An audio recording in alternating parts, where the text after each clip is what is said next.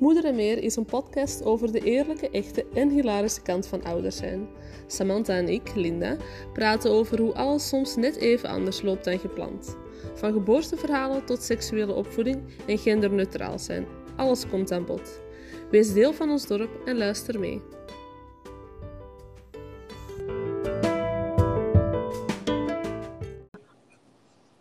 Welkom bij Moeder en Mees, onze negende aflevering. En vandaag gaat het over een kind hebben die een beetje anders is. Dus Linda, Ja. ik heb er drie anders zijn. ze zijn allemaal anders, dat is Ze waar. zijn allemaal anders, ja. Nee, ehm, het is denk ik vooral een beetje mijn, eh, mijn dochter die eh, iets uit het gemiddelde van, van deze wereld zijn standaard ligt. Die heeft ehm, best wel wat leerstoornissen, wat dat wil zeggen dat, dat het op school gewoon voor haar echt heel moeilijk gaat. En, en dat ze ook wel voelt dat andere kinderen van haar leeftijd en, en zelfs jongere kinderen en zo, dat die dingen kunnen dat zij niet zomaar zonder na te denken kan. Dus zij heeft ehm, een best specifiek dan ehm dyscalculie, dyslexie, een concentratieprobleem en een automatisatieprobleem. En het is vooral dat automatiseren dat voor haar echt heel moeilijk is. Dus dat wil zeggen dat ze dan... Ze leert iets. En als wij bijvoorbeeld eh, een paar keer hetzelfde leren, dan slagen wij dat op in ons korte termijn geheugen. En bij haar gebeurt dat gewoon heel moeilijk. Dus ze leert iets en dat verdwijnt ook weer heel snel. Dus dat wil zeggen dat alles gewoon moeilijk is. hè. Lezen is moeilijk, schrijven is moeilijk, rekenen is moeilijk. Maar ook, waar liggen mijn onderbroeken? Dat is ook moeilijk. Ja, Dat, dat, dat maakt het ook wel dat, dat hier thuis dat dingen ook wel eh, in haar gewone leven, zeg maar. Of, of als ze dansles wou gaan volgen, ja, die onthoudt die stap dus niet. Hè. Dus dat haalt de fun er dan ook uit. Dus ze voelt zich wel geregeld anders. ja, dat snap ik. Zeker in het eh, schoolgebeuren. Ja, zeker in school gebeuren. Ja, echt wel. Want ze, ze gaat nu wel mee met de klas. Hè. Ze zit nu in het, in het derde. Nu is het wel zo dat we eindelijk de stap hebben kunnen nemen om haar eh, volgend jaar in september naar het buitengewoon onderwijs te, te sturen. Wat dat, ja, we, we hopen echt dat dat voor haar de oplossing gaat zijn. Dat ze zich goed gaat voelen in de klas. Want ze, ze zegt zelf van dat ze eindelijk iets wil leren. Wat dat Ja. genoeg dat is, dat is al, al kei treurig dat, dat ze denkt dat ze in drie jaar tijd op school nog niks heeft geleerd. Ja. Ja. En het, het grappige eraan is, wat ik weet van Elina, sorry, Mhm. moet ik eruit knippen, Dina. Ehm, Ik heb haar naam al veel maar ja. dat ze juist dingen onthoudt die belangrijk voor haar zijn. Ja. Dus ze onthoudt de dingen die belangrijk zijn voor haar dichtste vrienden. Ja, ja want ze- er is geen kind dat inderdaad zo doordachter is als Elina.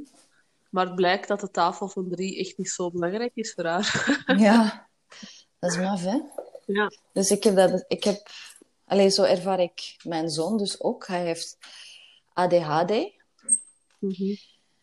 Ehm, dat is al heel duidelijk. Ehm, en misschien zit hij ook ergens op het spectrum van autisme. Ehm, in dat hij grenzen niet goed kan bepalen en wat eh, aanvaardbaar is maatschappelijk. Dus die zegt soms dingen die echt niet te pas zijn. En dat kan heel brutaal of heel verkeerd overkomen. Maar dat is gewoon... Ja, hij kan zijn impulsiviteit niet onder controle houden. Dus dat vloept eruit voordat hij kan nadenken van oei, dit is niet gepast. Maar dingen zoals, ja, dingen zoals dingen waar hij dan heel veel interesse in heeft, dat gaat heel vlot. Hij kan ook heel snel altijd ehm, zijn weg vinden overal. Dus dat is, eh, ja, maar dat zijn geen schoolvaardigheden, hè? Inderdaad. Nee. nee. Maar bijvoorbeeld de, de juf van, hè, van de klas, ehm, toen dat we het dan hadden over dat ze naar het bijzonder onderwijs gingen, dan, ehm, dan zei zij ook van, je moet echt onthouden, school gaat voor Elina moeilijk zijn, maar het leven niet. Eens dat hij uit school is, en hè, op school is het wel zo, je moet non-stop automatiseren. Hè? Ja. Eens dat je daaruit bent en je vindt, allez, ze vindt haar pad, zei ze ook van, hè, dat kind heeft nu al zoveel wijsheid, dat, Ja. dat, dat, ik, ik ook, ik maak mij geen zorgen over dat, dat ze haar weg niet gaat vinden in het leven, maar ze gaat wel tot haar achttiende het, het zwaar hebben in, in school. Ja, toch Ja. wel. Dus dan is daar echt over het bewaken van het zelfbeeld, hè? Ja. Ja. Ja, Ja. dat is heel moeilijk om, om te behouden. Het is heel moeilijk om heel de dag in de klas niet mee te kunnen en naar haar gevoel te falen. Of zoals u, bij jullie, om van andere mensen het gevoel te krijgen van hoe dat jij het doet en dus zijt, is niet oké. Ja. Om dat elke dag mee te maken en dan nog steeds daaruit te komen en, en te geloven van ik ben best oké. Ja, dat is naïef om te denken dat dat kan. Hè. Dat, dat, dat gebeurt gewoon niet. Hè. Dat, dat raakt hun en dat vormt hun ook. Dat vind ik heel moeilijk. Dat is niet alleen... Dat raakt hun een beetje en ze raken hun zelfvertrouwen kwijt. Ik merk gewoon heel hard dat dat mijn dochter echt vormt als in wat voor een kind dat ze is. En wat voor een mens dat zij is. Ja, ik vind dat nu ook heel moeilijk. Ehm, Noah die doet dus dingen die voor zijn leeftijd door veel mensen beoordeeld worden als stout of dat mag of dat kan gewoon niet.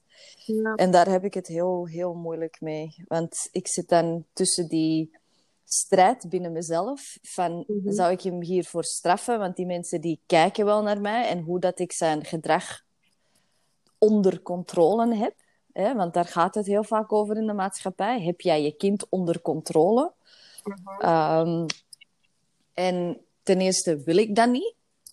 Ten tweede, ik heb dat ook niet. Want Noah die is zo impulsief met, met ja, alles eigenlijk. Mhm. En dat ik alleen maar... Ja, ik, ik moet alleen maar geduldig zijn en alles herhaal, herhalend aanleren. En, en hopen dat hij dat op een of andere manier toch internaliseert. Ehm, en dat vind ik, ik vind dat, ja, ik vind dat soms wel heel eh, frustrerend. Soms zou ik willen dat gewoon, soms zou ik gewoon willen dat iedereen gewoon begripvol is, tolerant en eh, kinderen aanvaardt zoals dat ze zijn, zonder eh, de nood om dat een, een, ja, een label te geven als, als stout of niet braaf of te aanwezig. Ja. Maar buiten dat het frustrerend is, is het ook gewoon doodvermoeiend, hè? Met, met eh, bijvoorbeeld Elina, ik moet ook alles herhalen, want zoals ik zeg, van, eh, waar dat dingen liggen of zo, een, een routine creëren is heel moeilijk. Gewoon letterlijk omdat ze dat gewoon vergeet. En ik weet dat, ik weet dat dat zo is en ik weet dat ik dat niet kan verwachten. Maar serieus, als je voor de zesduizendste keer hebt verteld Ja, dat ze haar tanden moet poetsen voordat ze naar beneden komt, dan heb allee, dat, dat, dat sterft geen klein beetje van binnen. Ze. Dat, dat is zo moeilijk soms om, om dat geduld te bewaren, zelfs als je weet dat ze er niks aan kan doen. ja. Ja, wij hebben ook dikwijls eh, gewerkt met eh, schema's op, op de koelkast of op een deur ergens. Ehm, en het zijn dan de broer en zus die Noah eraan doen denken van oh Noah, dit moet nog gebeuren of Noah, kom, we gaan deze eventjes snel doen. Ehm, maar zonder dat zou hij het ook niet... Dan zeg je van, oh, ga even op de koelkast kijken om te zien wat dat er nog allemaal gedaan moet worden. En dan gaat hij dat lezen, dan loopt hij ervan weg. Dan ziet hij iets anders en dan, dan is hij dat anderhalf vergeten. Dan, dan, ja, dan is zijn aandacht weg.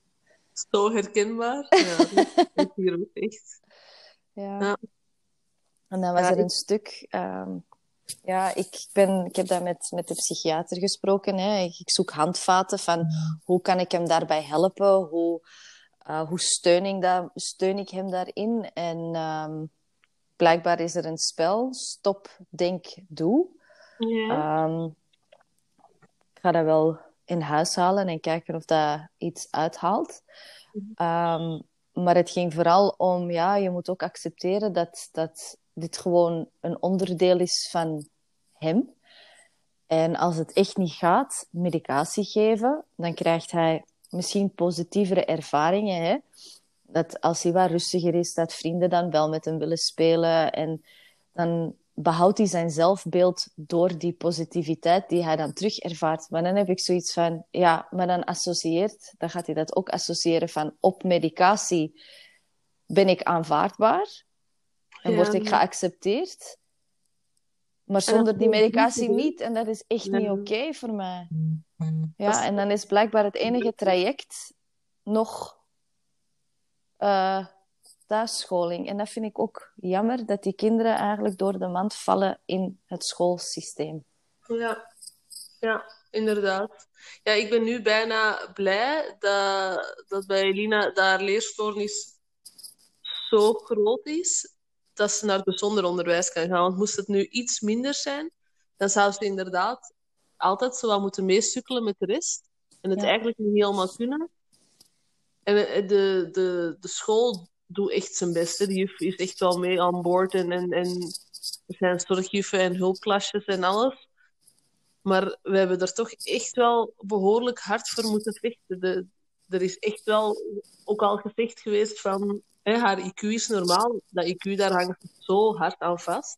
Haar IQ is normaal, dus ze moet het maar kunnen. En als ik daar dan bijna allee, helemaal huilend zit van, maar ze kan het echt, echt niet.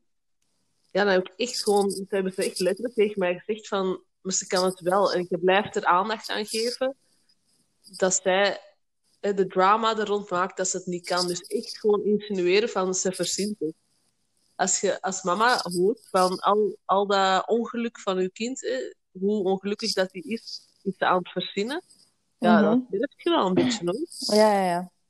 Ja, je begint te twijfelen aan je kind, je begint te twijfelen aan jezelf. Van, heb ik het wel aan het juiste einde? Zie ik het allemaal wel goed? Ja, wel, je moet best veel vertrouwen hebben in je eigen en in je kind inderdaad, om, om te blijven gaan. Ja. En nu dat ze dan naar, naar het uh, buitenwoon gaat, is er, is er ook echt wel iemand gekomen die dat heeft gezegd van uh, sorry dat wij allee, echt wel zeker een jaar, één schooljaar, hebben verpest met het eigenlijk niet te geloven. Dank u. Ja, ja een troost. Dan denk ik echt van, ik denk, denk niet dat die dan zo doorhebben hoe overheersend dat zoiets is in ons leven. Want ons leven draait echt wel een, een groot deel rond Elina. Ja. Ja, voor mij, ik, ik weet, want wij hebben dat, dat, dat, dat CLB-gesprek hebben wij eigenlijk tijdens, tijdens die lockdown gehad via Zoom. Mm -hmm. En ik ben, ik ben ook gewoon beginnen huilen. En het is niet dat ik het niet wist, ik wist het eigenlijk heel goed. Maar ergens voelde dat ook als een, een opluchting. En vooral omdat, omdat mijn, mijn man dan, dan mee luisterde en we hadden al eerder uh, gesprekken en zelfs discussies over Noah zijn impulsiviteit. Want hij doet dan dingen, um, zoals die sensoren in, in de parking, die lichtjes die groen zijn en dan rood worden wanneer dat een auto geparkeerd staat. Ja. Noah die heeft altijd een stok in zijn hand en, en hij is daar heel goed mee. Hij doet er niemand pijn mee, over het algemeen. Heel af en toe, wanneer dat hij echt weg zit in zijn, in zijn spel, gebeurt dat wel eens. Mhm. En wij zagen hem weglopen. Hij sprong op. Hij tikte zo'n sensor met dat stokje. Hij heeft dat niet, gelukkig niet kapot getikt. Die kwam neer en die keek ons aan. Van, oei, wat heb ik nu gedaan? Ja, natuurlijk. Mijn man die wordt, die wordt boos en die zegt, dat kan toch niet? We moeten hem daarvoor straffen.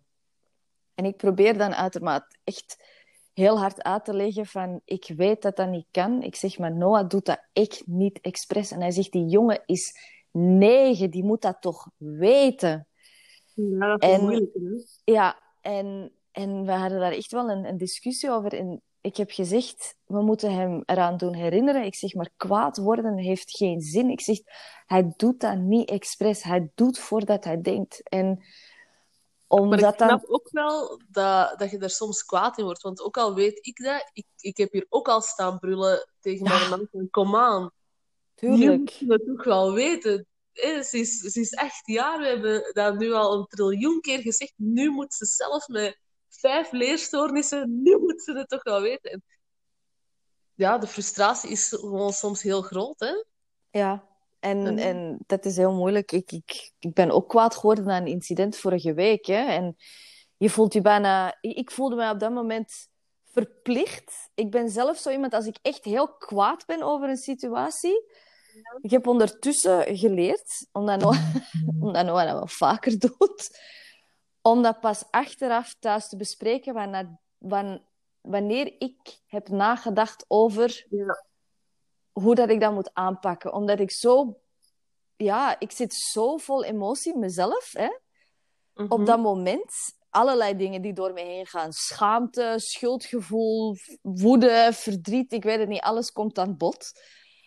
Dat ik normaal, zeker als, als er niet veel mensen rond zijn of hij heeft niks gedaan dat andere mensen impliceert, zeg maar. Maar dit was echt in een speeltuin en het was een glazen fles op een steen kapot gemaakt. Ja, die scherven zijn overal, er zijn allemaal kleine kindjes aan het spelen. Ik voelde mij verplicht om op dat moment te laten zien dat ik er echt wel iets aan doe om hem zogezegd onder controle te houden. En Noah, die is, die is uit kwaadheid, is die alleen naar huis gestapt.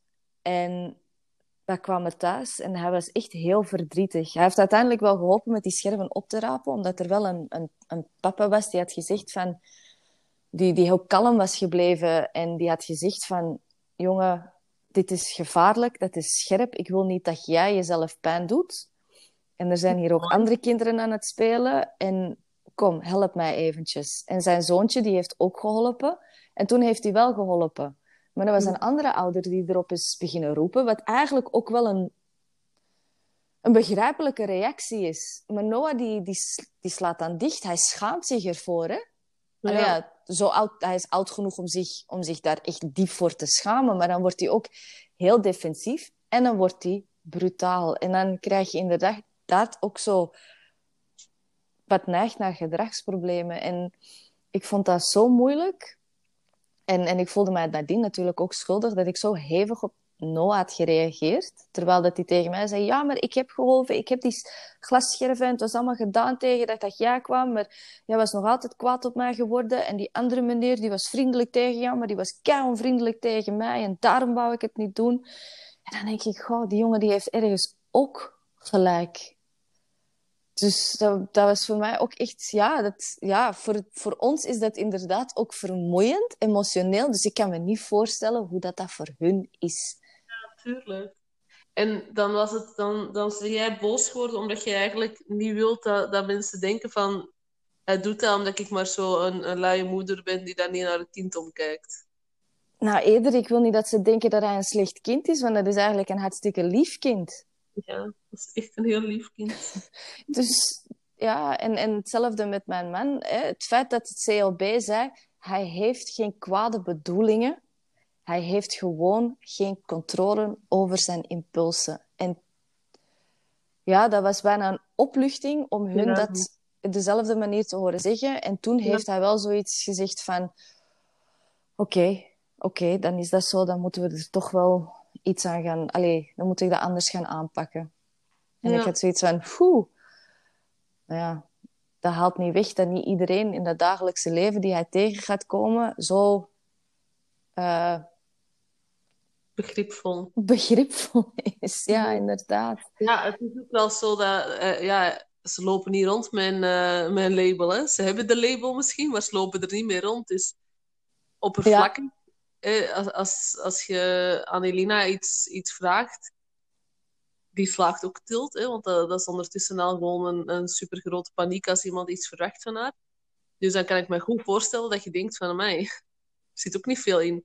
Terwijl dat, dat ook gewoon een keiverstandig kind is. En bij Noah hetzelfde. Hè? Als je oppervlakkig ziet dat hij een fles weggooit, dan denk je van, mij, stoute jongen. Ja, Ja, je, je ziet niet dat er meer achter zit. ja. Maar dat is en daar- les, hè?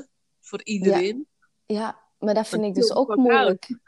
Ik, ik vind dat dus ook eh, frustrerend. Want ik wil niet iedere keer moeten uitleggen... Mijn kind had geen kwade bedoelingen. Die jongen die heeft ADHD. De meeste mensen gaan sowieso niet begrijpen wat dat, dat allemaal inhoudt, omdat dat zo wijd wordt gebruikt. Iedereen die heeft ADD, iedereen heeft ADHD, iedereen zit ergens op het spectrum tegenwoordig. Mm. En ik wil ook niet dat dat een excuus wordt. Nee, nee, snap ik. En nu, voor mij, ik zit echt in dat proces van, van, van zoeken, want ik voel me dan wel verplicht om het te zeggen, maar als ik het zeg, dan betrap ik mezelf er ook op dat ik zoiets heb van, kom, dat is geen excuus. Hij, hij, hè? En ik ben wel blij, Noah, als al de drama voorbij is, is hij wel de eerste die altijd zijn excuses komt aanbieden. Ja, dat is mooi. En het is ook niet dat hij die dingen herhaalt. Het is niet dat hij dat, dat hij, dat hij al twintig keer een fles heeft kapot gegooid en dan sorry zegt. Hè? Dat dat gebeurt één keer, heel misschien een tweede keer. Maar dat is niet iets dat hij herhaaldelijk doet. Dus ik weet ook wel dat, dat ja, die ervaring die blijft wel bij hem. En dat, Mhm. dat is misschien... Ja, hij leert ervaringsgericht. En dat zal voor Elina waarschijnlijk ook heel, heel erg zo zijn. Als ze het gedaan heeft en, en het zit in haar systeem, het, wordt, het is een natuurlijk gebeuren, dan, dan blijft dat makkelijker dan wanneer dat iets Ja. heel abstract wordt voorgesteld. Ja, inderdaad. Dat is ook hoe dat ik het aan haar uitleg, van hè, waarom dat ze bijvoorbeeld naar een andere school gaat. Dan probeer ik te zeggen van, uw hersenen leren op een andere manier als, als andere kinderen. Dus wat dat ze nu gaan doen is, dat is een, een school en die juffrouwen daar, die zijn echt gewoon heel hard gespecialiseerd in hoe werken uw hersenen. En het is voor haar een keigrote opluchting, want die heeft echt wel een hele lange tijd gedacht van, er is gewoon iets mis met mij en ik kan gewoon niks. Dat is ook erg. Ah. Super erg. Ik, ik weet echt nog dat ze, dat ze tegen mij zei van ik wil zo graag schrijfster worden. Maar dat gaat niet, mama, want ik ben te dom om te schrijven. Ja. En eh, dan lig ik gewoon op de grond te. Hè? Ach. Ja, ja, ja. Terwijl dat Ja. ze nu al wel zover is dat ze zo zoiets heeft van ja, dan, dan is het geen schrijfster, maar dan ga ik wel op avontuur. Want als je op avontuur gaat, moet je toch niet schrijven. Zwaar. Nee, maar er zijn ook mensen die het schrijven voor je doen. Hè? Je vertelt het verhaal in je hoofd en iemand anders doet het typen voor je. Ja, en, Dat kan en ook. is ook wel bezig met, met bijvoorbeeld op school leert ze nu ook al wel van eh, als, als andere kinderen ehm, hoofdrekenen, dan gaat zij met een rekenmachine of een tafelkaart of zo. Maar het is ook wel zo eh, dat, dat ze heel hard probeert om dat te verbergen. En dat ze bijvoorbeeld in de klas niet graag werkt met een rekenmachientje, omdat ze gewoon hetzelfde wil zijn als de rest. Ja. Dat is ook een, een deel waarom dat het niet meer werkt op een gewone school. En, ehm, want op de gewone school kun je echt wel heel veel extra hulp krijgen. Maar een groot deel ervan is dat je zo wat zelfredzaam bent. Ja. En omdat Elina nog zo hard vecht tegen... Ik wil niet anders zijn als de rest. Ik wil gewoon, als we hoofdrekenen doen, dat ik ook een potlood en een gom vast heb en dat is het. En niet een, een heel boekje en een rekenmachine en voor de juf zitten. Dat het gewoon niet lukt. ja. dat is een heel groot ding. Zeker op die leeftijd, denk ik, zo Ja. 8, 9 jaar, begint die schaamte gewoon heel groot te worden. En, en Ja. die, die grootste winst is echt gewoon zoals de rest zijn. ja. En dan weet ik niet of dat, dat bij meisjes misschien nog iets groter is dan bij jongens. Ik kan me precies niet voorstellen dat, dat Noah, die is gelijk te stoer of om te denken van... het interesseert me niet wat jij denkt over mij. Nee, nee, nee, hij is heel gevoelig. Hij komt heel vaak thuis en dan, dan, dan is hij echt gekwetst omdat, eh, omdat andere kinderen hem terug naar zijn stoel wijzen. Want Noah die kan niet, die, die loopt rond zijn bankjes en ik heb andere kinderen dat ook al horen zeggen. Hè, van ja, die Noah die kan geen twee seconden stilzitten. En dat is gewoon zo. Die, die... Ik heb hem nog niet in de klas gezien, maar thuis is dat ook zo. Hè? Als hij moet eten, die zit constant in zijn, in zijn stoel te wiebelen. En dan denkt hij ineens aan iets en dan is hij weg van de tafel. En dan komt hij terug en dan is het zo van, Noah, we blijven zitten tijdens het eten. En ik moet dat blijven herhalen. Ehm Kenneth is daar iets strenger in. En dan merk ik wel dat Noah het probeert. Hè? En ik kan het iets beter. Ehm, maar hij komt heel vaak thuis met ja, en ik kan het allemaal niet en die andere kinderen kunnen het wel en ik vind het zo moeilijk, want ik kan niet stilzitten en ik mag dit niet en ik mag dat niet. Ik mag gewoon mezelf niet zijn. Het is ook wel gewoon zo. Hè? In mainstream school, hè, eh, dat onze kinderen zitten in de Steinerschool, dus heb ik wel het gevoel dat, dat, dat ze daar al iets meer zo de vrijheid krijgen om het op hun eigen manier te doen. Ook, ook niet gigantisch, maar toch iets meer. Maar het is wel gewoon echt zo dat je moogt niet veel op school. Hè? Je moet heel veel, maar je moogt niet veel. Nee. Ik, ik denk dat het meest gemiddelde kind het daar al wel eens uh, moeilijk mee kan hebben. Ja, en ik probeer dat wel zo uit te leggen, want ik, ik weet dat de juf bijvoorbeeld hem gewoon een, een knipoog of een, een blik, allee, dat ze soms, dat hun ogen, hoe zeg je dat, dat die ogen ontmoeten en dat hij dan mm -hmm. doorheeft van ik ben weer van mijn stoel af. Het, uh, allee, ik weet ook dat Elina wel eens zegt van Noah, ga zitten. Um, maar het is natuurlijk anders wanneer, ze, wanneer dat iemand dat met een zucht zegt of met irritatie. En ja, hij, hij, heeft, hij is daar wel heel gevoelig aan. Um, ja, ja en, en dat gevoeligheid dat wordt ook gewoon groter met dat dat blijft herhalen. Hè? Dat is niet ja. een keer dat dat gebeurt, dat gebeurt dan dagelijks. Ja, en, en meermaals dagelijks. Ja, maar dat bevestigt dan ook wel dat die twijfel dat ze hebben van is dat lastig of is dat raar? Ja, dat, dat wordt gewoon bij hun bevestigd. Ja. En dan is het gewoon heel moeilijk om nog, om nog duidelijk te maken van dat is niet erg of niet iedereen hoeft gelijk te zijn. Of, ja, gewoon alleen al doordat Elina eh, iets een ander pad beloopt als, als de meeste kinderen, dat zorgt ervoor dat ik zo hard inzet op duidelijk maken aan mijn kinderen dat niet iedereen hetzelfde is en hoe oké dat dat is. En, en dat iedereen zijn eigen issues heeft en zijn eigen talenten. En ik probeer er zo hard op, op te gaan, gewoon om, om, omdat ik zie hoe kwetsend dat, dat is. Als je niet als normaal wordt beschouwd. Ja, maar ik, dat is het jammere aan, aan, aan mainstream education hier. En ik denk in veel plekken, hè, want, want inclusiviteit op, op dat niveau is, is niet makkelijk.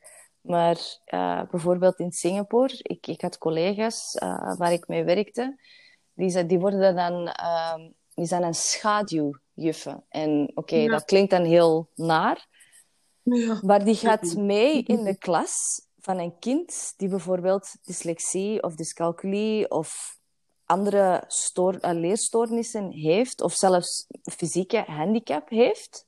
Mm -hmm. En die kinderen die blijven in de gewone school zitten en die juf die is daar specifiek voor dat kind, maar dan op zo'n manier dat niemand dat door zou hebben. Ah ja.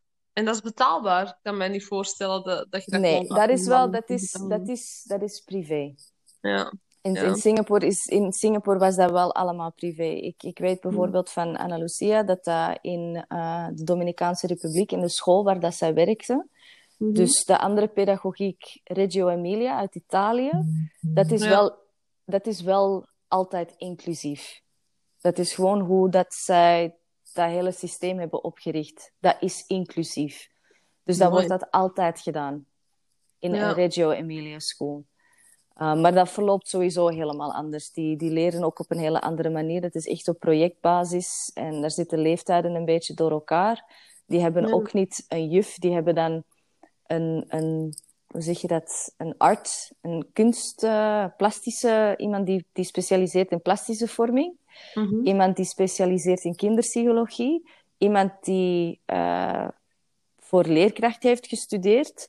En dan denk ik dat er af en toe ook andere mensen mee komen. En dan is dat echt van, er wordt besproken wat dat de interesses zijn. En dan, is dat, dan wordt daarover getekend, er wordt gemeet. En dan wordt dat van een tekening wordt dat naar een 3D-model gebouwd. En dan van het 3D-model proberen ze zoiets in het echte leven te zetten. En dat rekenen en de taal, dat wordt allemaal erdoor gewoven. Hè? Ja. Want als je iets gaat bouwen, dan moet je meten, dan moet je weten hoe groot, hoe ver, hoe wijd.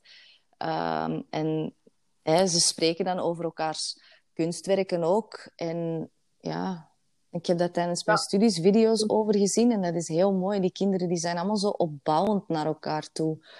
Van, oh, ik vind het heel leuk hoe dat je die kleur hebt gebruikt en hoe dat je dat hebt getekend. En dan gaan ze naar elkaar kijken en dat is niet afbrekend. En het, het gaat, ja, als je hier... En ik, hoop dat... Ik denk wel dat dat aan het veranderen is, stilletjes aan. Zeker met al dat, al dat gesprek rond, rond mild ouderschap. En, en over dat mensen hun authentieke zelf moeten zijn en zelfacceptatie. Dat is een hele grote bewustwording rond die thema. Mhm. Dat ouders ook bewuster met hun eigen kinderen Ja. in die tolerantie gaan zitten. Want ik merk hier ook, niet iedereen, niet elk kind is, is tolerant van, van kinderen met, die anders zijn. Ja. Ja, Dus dat is Noah- zo Ja, makkelijk, hè? nee. En, en ja, Noah zijn fijn motoriek, dat is ook al niet zo fantastisch. En die tekent ook heel abstract. Ik vind het wel, ik vind het wel mooi. Het is heel apart. Ehm, A mother's love. ja, ook. Maar om dan te horen dat hij thuis komt en dat iemand in de klas tegen hem heeft gezegd dat zijn tekening lelijk is, ik vind dat eigenlijk niet kunnen.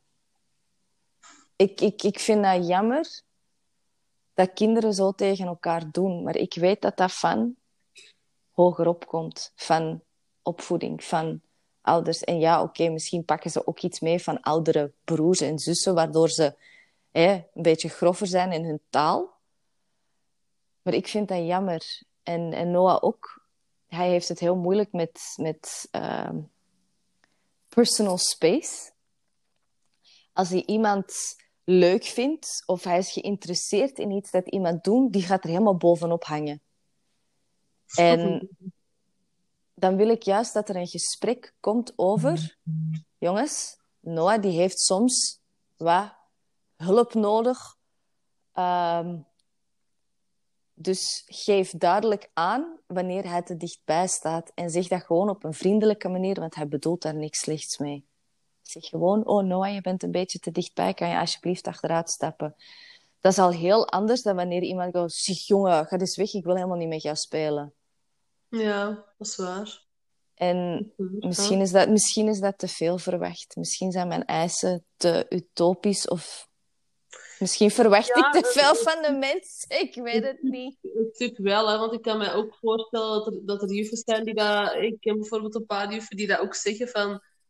ehm, met het M-decreet dan, hè, dat, dat er zoveel stoornissen in de klas zitten tegenwoordig, dat ze bijna niet aan lesgeven toekomen en, en dat dat zoveel is. Iedereen heeft iets, iedereen moet, moet een, een speciale hulp hebben, dat dat ook gewoon te veel is. Dus het is... Een, perfecte oplossing ga, ga, gaat er gewoon niet zijn, uiteraard. Maar het zou toch iets beter als dit moeten kunnen. Hè? Doordat het niet draagbaar is voor de juffen en, en dat de, de kinderen daar dan de dupe van zijn. Ja, dat, dat kan toch ook niet. En, dan nu, gisteren bijvoorbeeld las ik dat eh 50% van de kinderen die eh, zijn aangemeld om, om naar het eh, bijzonder onderwijs te gaan in Antwerpen hier, eh, heeft geen, geen plek gekregen. Dus die zitten nu gewoon wel nog in een, in een klas aan te modderen en totaal niet op hun plek. Ja, dat is, dat is lichtjes deprimerend, hè? Allee, Ja, maar dan moet, er systemisch, dan moet er systemisch ook iets veranderen. Ik snap dat er een basiscurriculum moet zijn, maar ik heb eh, heel slim van mij tijdens, eh, ik denk dat Eva nog geen jaar oud was, wou ik terug gaan studeren. En ik ben, ehm, ik ben een master in Educational Studies gaan doen in KU Leuven. En eh, mijn eerste module was filosofie. Ik heb zo'n stapel boeken gekregen. Ik heb het meteen opgegeven met al dat lezen. met, met zo weinig slaap. Dat was gewoon Ja. niet te Ja. doen. Ehm, maar een van de dingen die mij bijgebleven is tijdens een van die, van die lectures, was dat ze vertelde dat de beslissingen die gemaakt worden rond wat kinderen leren, niet eens wordt besloten door mensen die zelf eh, in het onderwijs staan, Dat wordt niet besloten door mensen die onderwijs hebben gestudeerd, die er iets van weten. Dat hangt dus allemaal af van de grote bedrijven die dat allemaal vinden, hè? Of, of heel veel van die dingen, zo van die lobbyen, hè? Ja. die bepalen van wanneer dat die uit school komen, hebben wij dit, dit en dit nodig op de werkvloer. Dus eigenlijk heeft dat helemaal niks te maken met hoe dat het kind ontwikkelt en hoe dat het kind leert, maar alles te doen met hoe creëren we Een goede werker. een, een robot bijna eigenlijk. Ja, dat is gewoon... Allee, dat is gewoon zo deprimerend en fout. Dat is... Ja, Daar moet je bijna gewoon niet over nadenken, hè. Want dat is... nee, maar wat dat ik zie in, in, in onze generatie, maar ook de jongere generatie, hè, die nu in hun twintig zijn, is die zijn allemaal afgestudeerd. Die hebben allemaal een bachelor. Sommigen hebben zelfs een, een, een master. Maar tegenwoordig heeft iedereen van die generatie een papiertje. Maar Ja, er zijn, ja, Ja. maar er zijn niet genoeg jobs Nee. voor, voor, voor de niveau waarop ze hebben gestudeerd. En heel veel van hun gaan uiteindelijk toch hun eigen pad af. Dus die, die zijn geïnspireerd door iets en, en die beginnen of zelfstandig of die gaan eerst een paar jaar werken om dan iets van hun eigen te starten. En er is een heel ander soort beweging. Je ziet ook mensen die dan afgestudeerd zijn met een papier, die dan een stil gaan doen, hè, met hun handen werken, iets creëren. En dan denk ik van, oké, ik weet dat de basisprincipes zoals lezen en basisrekenen wel heel belangrijk zijn in ons dagelijks leven. Maar uiteindelijk ben je vaak al in je twintig voordat je echt gaat nadenken over wat wil ik eigenlijk voor mijn toekomst en wat doe ik graag en waar ben ik natuurlijk goed in. Ja. En dan gaan, ze, dan gaan ze al die kleine workshops en andere, andere diplomacursussen volgen, Ja. waardoor ze bijgeschoold worden specifiek in hetgeen dat ze willen doen. En ze komen altijd wel terecht. Ja, daar geloof ik ook echt wel in. Ik, ik denk ook dat het echt gepasseerd is om, om gewoon op je 18 een opleiding te kiezen. Wie weet trouwens op zijn 18 wat hij wil doen. Echt waanzin. En dat je, dat je wel je weg vindt en, en dat het niet meer gewoon één weg is, maar dat je ondertussen echt wel ja, tien verschillende manieren hebt om, om, om iets te gaan doen dat, dat u ligt. Hè? Ja. En het En al- is, het zijn altijd de... alle goed voor onze kinderen dat, het- dat het nu zo is. Want ik heb zelf ook wel dyslexie, ook wel best aanwezig. En bij mij was het wel echt zo dat ik op mijn achttiende echt zoiets had van... Ik was school ten eerste al zo kotsbeu, omdat dat echt wel een struggle was om, om er gewoon door te geraken. Nu was mijn kinderwens ook al gigantisch overheerst, maar dan nog. maar ik kan mij wel echt herinneren dat ik zoiets had van weet ik veel wat ik nog zou willen doen. Ik wist het echt niet. En ik, ik, ik ben dan naar open deurdagen gegaan. En ja, je, je hebt dan wel zo de veel opleidingen. Maar ja, dat, dat, is, dat is te veel om op dat moment, op je achttiende, te gaan kiezen wat wilde je even gaan doen.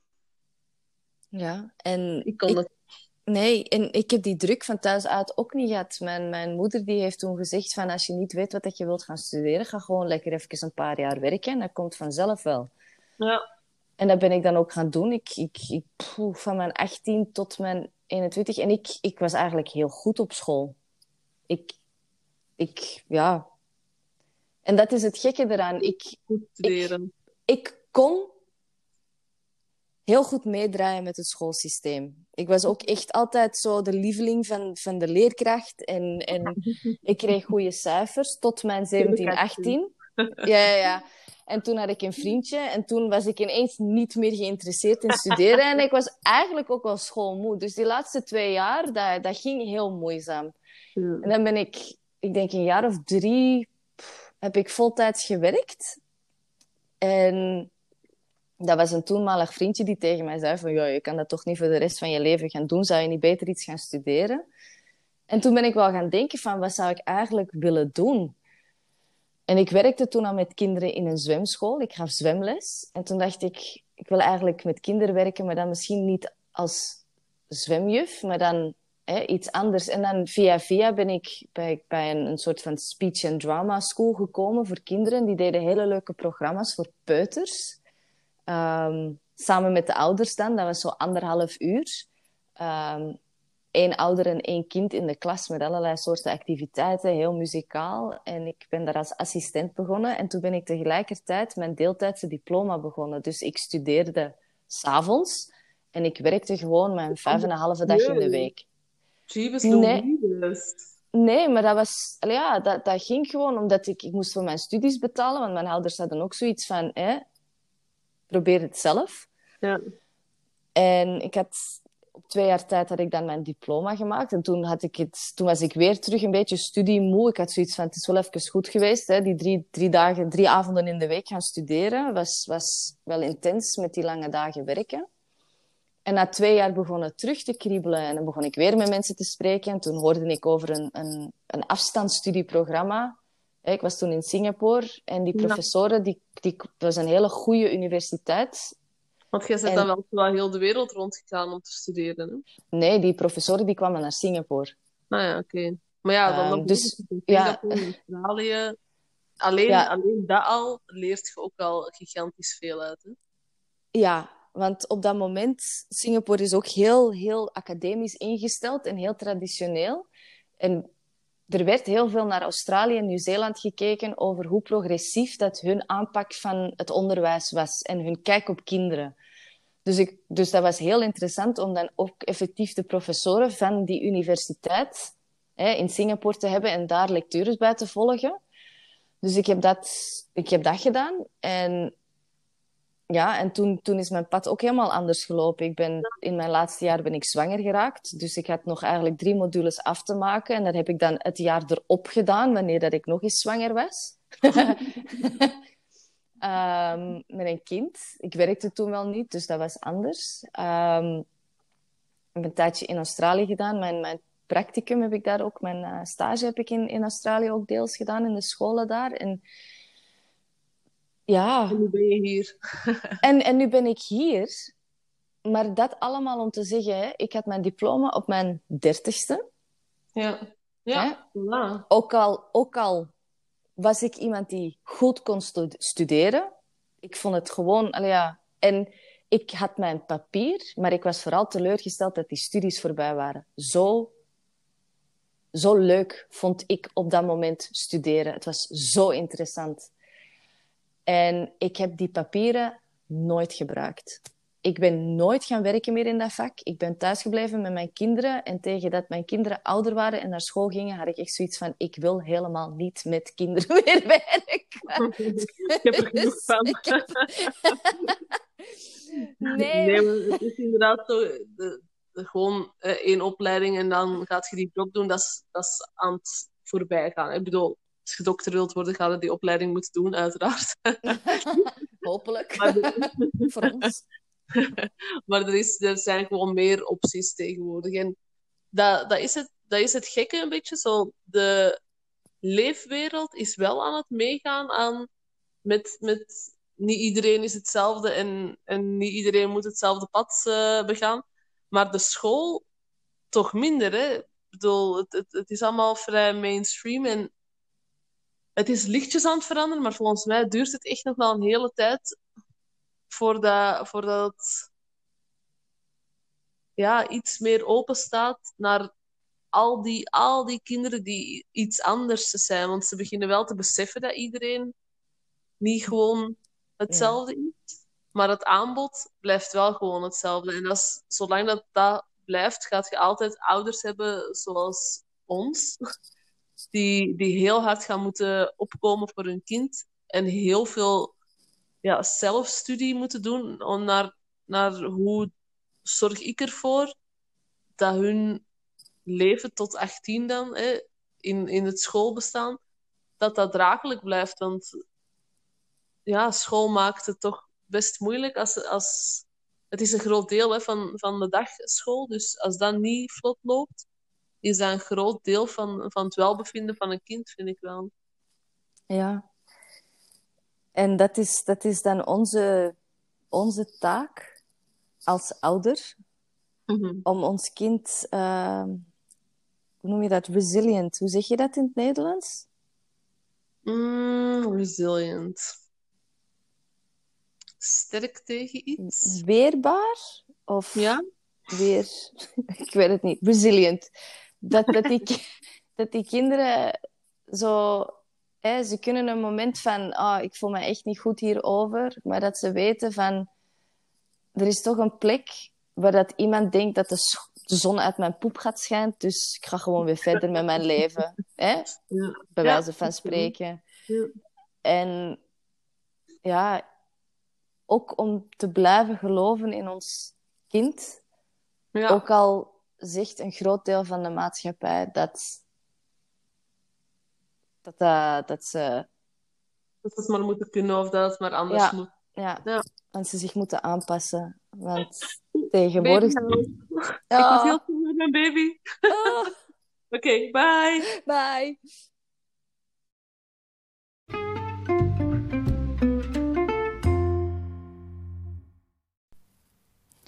De conclusie tot ons gesprek is dus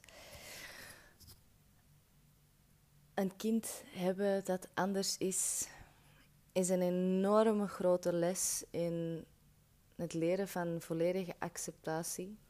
Ook sterk blijven in jezelf om altijd voor je kind op te komen. Ehm een vertrouwen te hebben dat ja, je kind wel een goed leven gaat hebben eh, op zijn of haar manier. Ehm, ik wil zeker, we willen zeker de schoolsystemen niet volledig afbreken. Alles heeft een plaats in onze maatschappij, maar ook de realisatie dat het niet de end all, de be all end all is van het leven. En zo komt het wel vaak over. Ehm, en als ouder is het moeilijk om jezelf daaruit te verwijderen. Je, wilt het beste voor je kind natuurlijk. En heel vaak denken wij dat school de beste weg is. Uh, maar als een ouder van een kind dat een beetje anders is, ga je de wereld toch op een andere manier bekijken en moeten bekijken. Uh, en met deze hoop ik dat wij een hartje onder de riem steken van alle ouders die ook een kind hebben die niet per se in het vakje past. Um, en iedereen heeft zijn excentriciteiten en nee, iedereen is wel anders. We hoeven niet allemaal hetzelfde te zijn. We hebben allemaal onze, onze krachten en zwakten. En het mooie van het leven is dat we daar, als we ouder worden, we leren daar meer en meer over. Um, en ook dat deze podcast helpt om andere ouders ook te laten weten dat zij daar ook iets in kunnen betekenen. Door hun kinderen te leren om um, ja, meer tolerant te zijn. Um, of misschien op een empathischere manier te communiceren over hun eigen grenzen. Um, wanneer dat hè, iemand zoals mijn zoon bijvoorbeeld er veel te dicht over komt hangen. En dat we gewoon allemaal veel liever voor elkaar moeten zijn, um, met of zonder label. We hebben allemaal wel iets. Dat geldt zowel voor kinderen als voor moeders, als voor gewoon ouders, als voor iedereen. Ook al heb je geen kind. We hebben allemaal uh, een kruisje en we hebben allemaal iets waar we mee worstelen. Of het nu iets is dat ons buiten het onderwijssysteem zet, of iets dat ons een beetje anders maakt binnen onze vriendenkring. Um, ja, acceptatie en um, een beetje meer verdraagzaamheid is hier het bericht van. Um, heb je vragen? Wil je iets delen over je eigen kind of je eigen ervaringen? Mocht ons altijd contacteren via moeder underscore en underscore meer op Instagram. Stuur ons een privéberichtje. Uh, wij horen graag van jullie. En tot de volgende aflevering.